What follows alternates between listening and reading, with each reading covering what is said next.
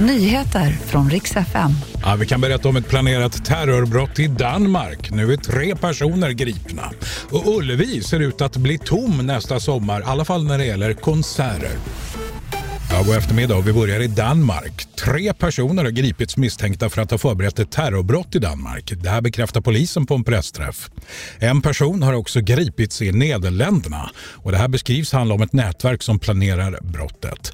Det uppges finnas kopplingar till både utlandet och inhemsk gängmiljö. Närmare bestämt det kriminella nätverket Loyal to Familia skriver DR. Jag kan inte gå in närmare på motiv, säger Flemming Dreyer vid Säkerhetspolisen PET och betonar att utredningen utredningen är långt ifrån klar.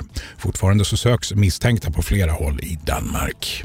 En underentreprenör inblandad i byggprojektet och hissolyckan i Sundbyberg säger till P4 Stockholm att tre av de som dödades i den fallande hissen troligtvis var anställda till honom.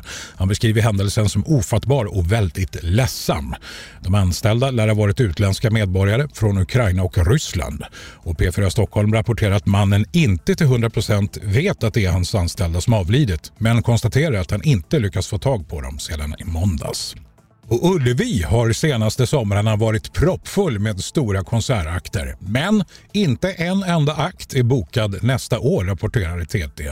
Vi för en dialog med arrangörer och är fortfarande hoppfulla. Så än lever hoppet om en bra konsertsommar, säger evenemangschefen Henrik Jutbring. Det var nyheterna. Jag heter Jocke Ljungberg.